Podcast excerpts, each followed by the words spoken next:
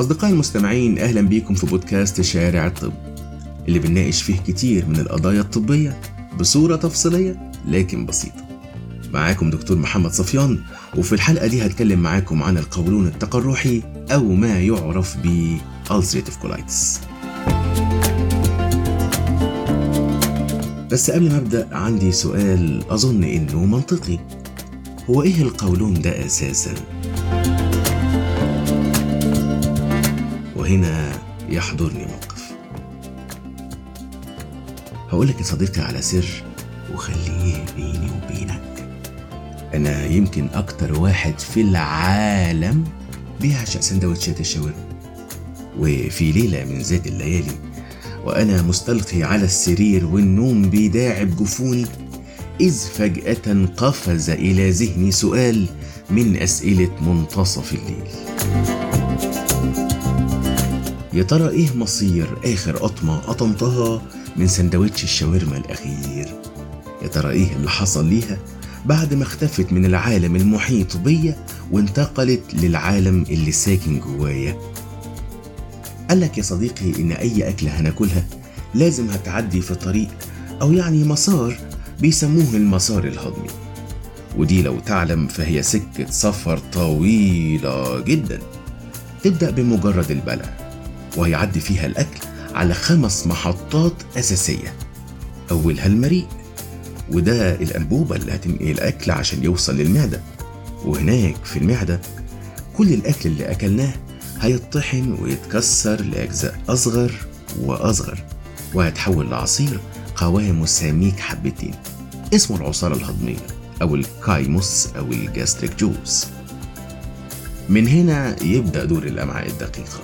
اللي هتستلم الأكل من المعدة وتفضل محتفظة بيه جواها ما بين ساعتين ولحد ست ساعات كاملين.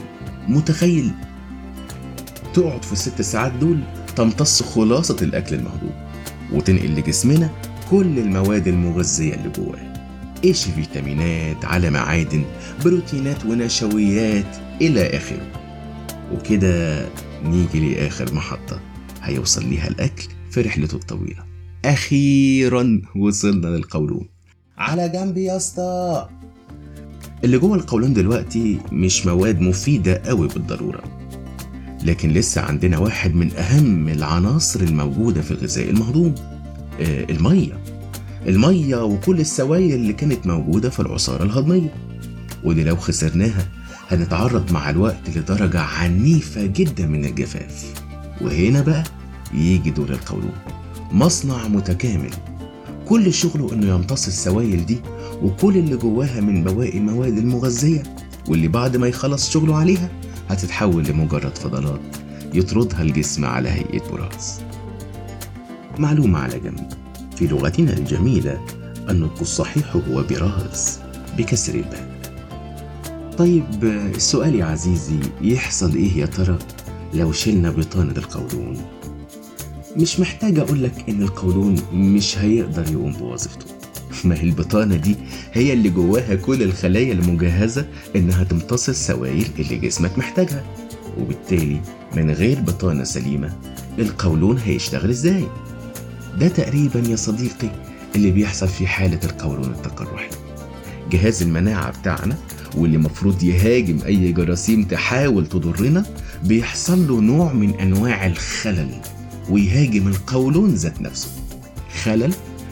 خلل زي إيه؟ اللي بيحصل إن جهاز المناعة بيكون نشط بدرجة أشد بكتير من اللازم. درجة تخليه تقريبا متوحش. ما يفرقش بين الحاجات اللي مفروض يهاجمها والحاجات اللي مفروض ما يهاجمهاش. ده بيهاجم حتى أعضاء الجسم نفسها واللي مفروض إنه بيحميها في الظروف التقليدية. ويا سلام بقى. يا سلام لو بالصدفة حصلت حاجة تحفز جهاز المناعة المتوحش ده زي وجود أي عدوى أو ميكروبات في القولون. فيجي الأستاذ بدل ما يهاجم الميكروبات بس لا ده يهاجم الميكروبات دي ويهاجم القولون ذات نفسه معاها تكرار هجمات جهاز المناعة اللي بيعملها ضد بطانة القولون هيبدأ يعمل لي التهاب. واللي هتزيد بتكرار الهجمات دي وده هيوصلنا في النهاية إن يحصل تآكل في أي جزء من بطانة القولون وده اللي بنسميه قرحة القولون. امم عارف. كلمة قرحة اسم يبدو إنه تقيل أو مقلق حبتين لما بنسمعه. لكن الحقيقة إن الكلمة معناها الحرفي أي تآكل أو جرح حتى لو بسيط في النسيج المبطن لجدار القولون. من هنا جت التسمية القولون التقرحي. يعني القولون اللي بتنطو منهكة ومجروحة من كتر ما جهاز المناعة بيهاجمها. الجرح صعب يا صديقي والأصعب لما اللي منك يجرحك ولو اللي منك جرحك. طب قول لي مين وقتها هيفرحك؟ ولهذا ونتيجة لهذه الجروح والقرح التي انتشرت في بطانة القولون ولأنه مش قادر يمتص السوائل من الغذاء بتاعي هلاقي نفسي رايح جاي على الحمام إسهال عنيف ومستمر يا صديقي ومش بعيد يكون لونه أحمر لون الدم اللي سايل على جبين بطانة القولون المنهكة طيب هشتكي من إيه كمان؟ مغص متكرر ممكن يجيلي أنيميا وزني كمان ممكن ينزل. علشان كده لما هروح للدكتور طبيعي إنه هيطلب مني مجموعة من الفحوصات عشان تساعد إننا نعرف الوضع العام لجسمنا عامل إزاي. ممكن نعمل صورة دم كاملة. CBC هتوضح إذا كان عندي أنيميا أو لا. كمان تحليل براز هنعرف منه إذا كان في أي عدوى أو بكتيريا موجودة في القولون. بس أهم حاجة الدكتور هيطلب إني أعملها تنظير القولون أو اللي بنسميه منظار القولون. فايدة المنظار يا صديقي إنه بينقلنا حرفيا لداخل القولون. يخلينا نشوف بطانة القولون بشكل مباشر وأحكم وقتها. هل هي طبيعية ولا لأ؟ يخلينا كمان نقدر ناخد عينات من القولون عشان نفحصها تحت الميكروسكوب وبالتالي الدكتور يتأكد من التشخيص. ده غير إن منظار القولون يعتبر إجراء حقيقي سهل وبسيط ومش مؤلم طيب يا سيدي عرفت إن عندي قولون تقرحي. إيه العلاج بقى؟ الحقيقة يا صديقي إن القولون التقرحي ملهوش علاج قاطع. لكن بالعلاج نقدر نسيطر عليه ونتعايش معاه بشكل طبيعي جدا. قبل ما نتكلم عن العلاج فلازم نعرف إن القولون التقرحي بيتميز بأوقات بيكون فيها الالتهاب شديد جدا. بنقول عليه التهاب متفاقم. وقتها الإسهال بيكون عنيف ودرجة الحرارة بتاعتنا ممكن ترتفع غير إننا هنلاقي إن في تقلصات شديدة في البطن. الوقت ده بنوصفه إنه هجمة من جهاز المناعة على القولون. وده الوقت اللي الدكتور هيوصف فيه الكورتيزون عشان يقدر يهدي من حدة الهجوم ده. وبالتالي في حالات التفاقم البسيطة الدكتور ممكن يوصف لي أقراص الكورتيزون زي البريدنيزون مثلا. أما لو ما نجحناش في صد الهجوم ده باستخدام الأقراص فوقتها لازم هناخد مشتقات الكورتيزون دي على هيئة حقن وريدية. ده في وقت الهجمات بس واللي هي قليلة فعلا. وأحيانا كمان شبه معدومة أما بقى الأوقات الأغلب فبتكون حالة القولون مستقرة والوضع بشكل كبير بيكون أقرب للطبيعي وبالتالي العلاج هيختلف على حسب الحالة. في أوقات التفاقم الدكتور هيستخدم مشتقات الكورتيزون. أما في الأوقات الباقية مش محتاجينها إن شاء الله. طيب إيه اللي يمنع تكرار الهجمات دي؟ هقول لك بس أتمنى ما تتوهش مني.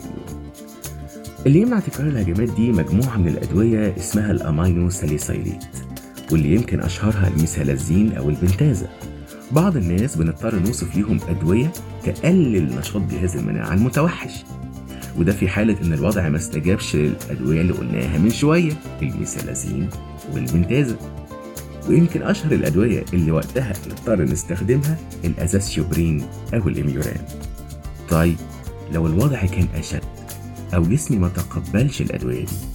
ده الوقت بقى اللي الدكتور هيستخدم فيه أدوية جديدة تماما عملت ثورة في عالم القولون التقرحي بنسميها المستحضرات الحيوية أو العلاج البيولوجي واللي يمكن أشهرها الإنفليكسيماب والهيوميرا. دور الأدوية دي يا صديقي إنها بتعمل تعديل في شغل جهاز المناعة بحيث أقلل من النشاط المبالغ فيه.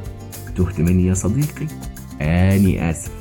كل اللي عاوزك تعرفه إن العلاج دايما هيختلف من شخص للتاني على حسب الحالة وإننا بنبدأ بالأدوية البسيطة وننتقل تدريجيا من سلمة لسلمة تانية على حسب نتيجة العلاج. المهم كمان إني منساش آخد المكملات الغذائية عشان أعوض النقص اللي ممكن يحصل لي بسبب القولون التقرحي أو بسبب بعض الأدوية اللي مضطر أستخدمها. وبكده أصدقائي المستمعين أكون وصلت معاكم لنهاية لقائنا النهاردة. أتمنى أكون قدمت لكم معلومة مفيدة.